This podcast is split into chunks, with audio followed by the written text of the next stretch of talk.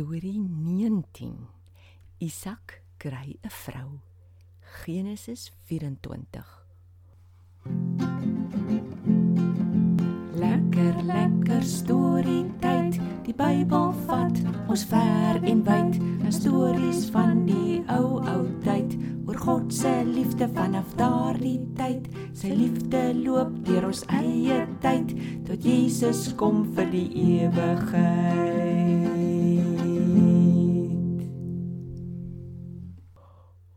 Hallo Tony Gordon en hallo Ngots. Goeiedag julle almal.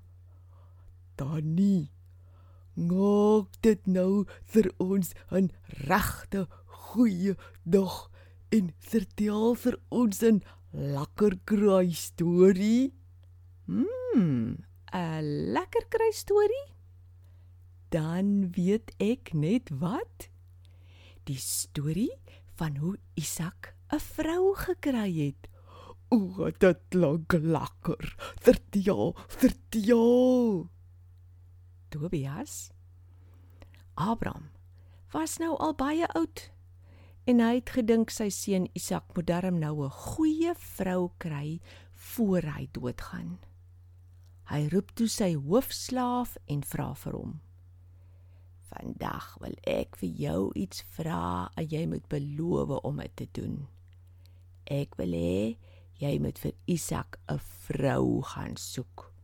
Maar nie hier rond in Kanaan nie. Nee, jy moet na my geboorteland toe teruggaan en daar 'n vrou gaan soek." Sjoe, dis 'n moeilike iets dat Adrang gevra het. Dat ter vrou sal nou sang met 'n slaaf gaan om met 'n man te trou dat sy nog nie eers gesien het nie. Ja, die slaaf het ook so gedink. Hy vra toe vir Abraham: "En as die vrou nou nie wil saamkom nie, wat dan? Moet ek vir Isak soontoe vat?" Maar Abraham was vasbeslote dat Isak nie uit Kanaan moes weggaan nie. In daai tyd het mense 'n belofte gemaak deur jou hand onder die ander een se heup te sit. Abraham het vir die slaaf gevra hy moet so 'n heup belofte maak dat Isak nie sal weggaan nie. Abraham het naby aan die Here geleef en het hom gevra dat 'n engel voor die slaaf sal uitgaan en self die vrou sal gaan uitsoek. As hy dan regtig nie wil kom nie, is die slaaf vry van die heupbelofte. En dat gebeur toe Die slaaf vat toe 10 kamele en klomp mooi en duur geskenke en gaan na Mesopotamië toe waar ander familie van Abraham gewoon het. Ek dink die arme slaaf was maar benoud. Daarom het hy gebid tot God net toe hy by 'n fontein naby 'n stad in Mesopotamië kom. Here, dis nou laatmiddag. Anders tyd dat die jong meisies van die stad gaan uitkom om water uit die fontein te skep. Ag, help my tog asseblief met hierdie moeilike ding. Ek gaan vir 'n meisie vra vir water om te drink. As sy dan vir my en vir die kamele water gee, dan sal ek weet dis die meisie wat hy uitgekies het vir Isak. En wat doen die Here toe? Die Here het dit presies laat gebeur soos hy gevra het.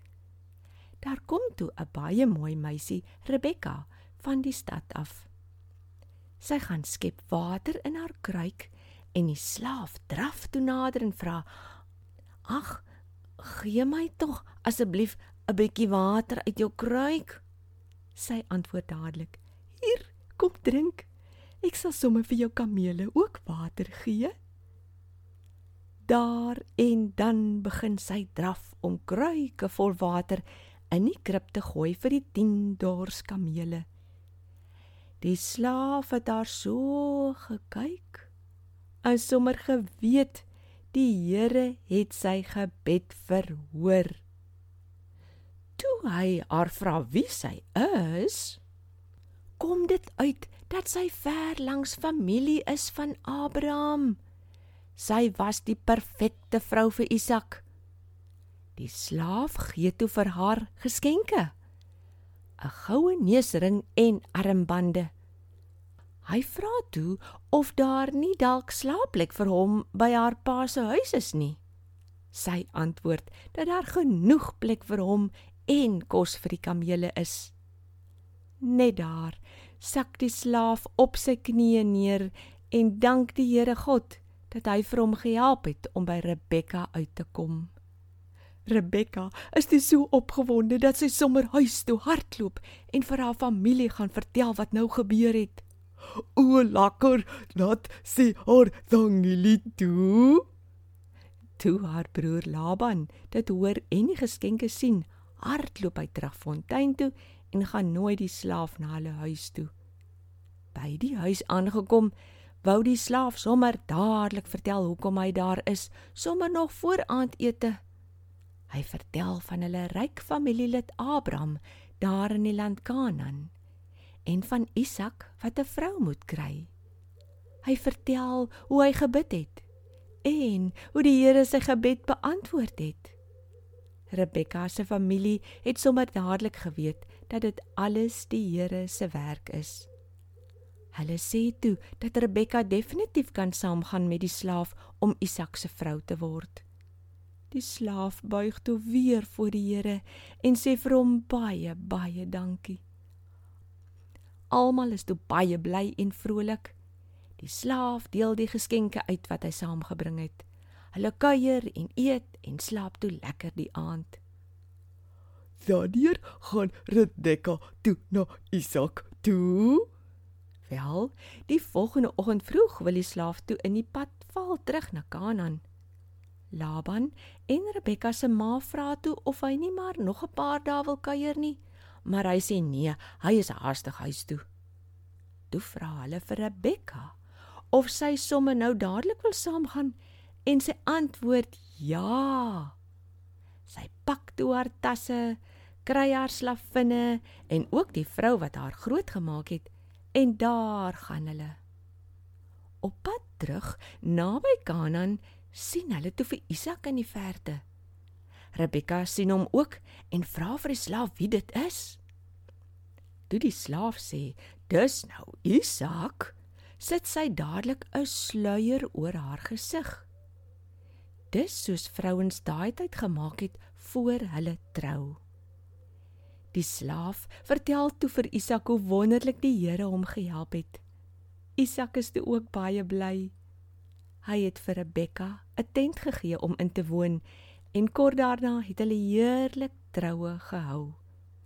Isak was baie lief vir sy pragtige vrou wat die Here self vir hom uitgekies het. Hoi, Daddy. Dit is 'n lekker kraai storie. Like ngai, ons kan die Here vra om ons net enige iets te help. Kyk nou net hoe het hy vir die slaaf gehelp. O ja. En ons moet onthou om altyd dankie te sê as hy ons help. En sommer ook vir ander mense vertel hoe groot en goed is ons God. Danny, ek sien songer uit na nog Isak en Rebekka stories. Gods, ek groet julle want ek dink ek en my maatjie gaan nou troue troue speel. Totsiens Ongel. Lekker speel. Totsiens Tobias en Mats.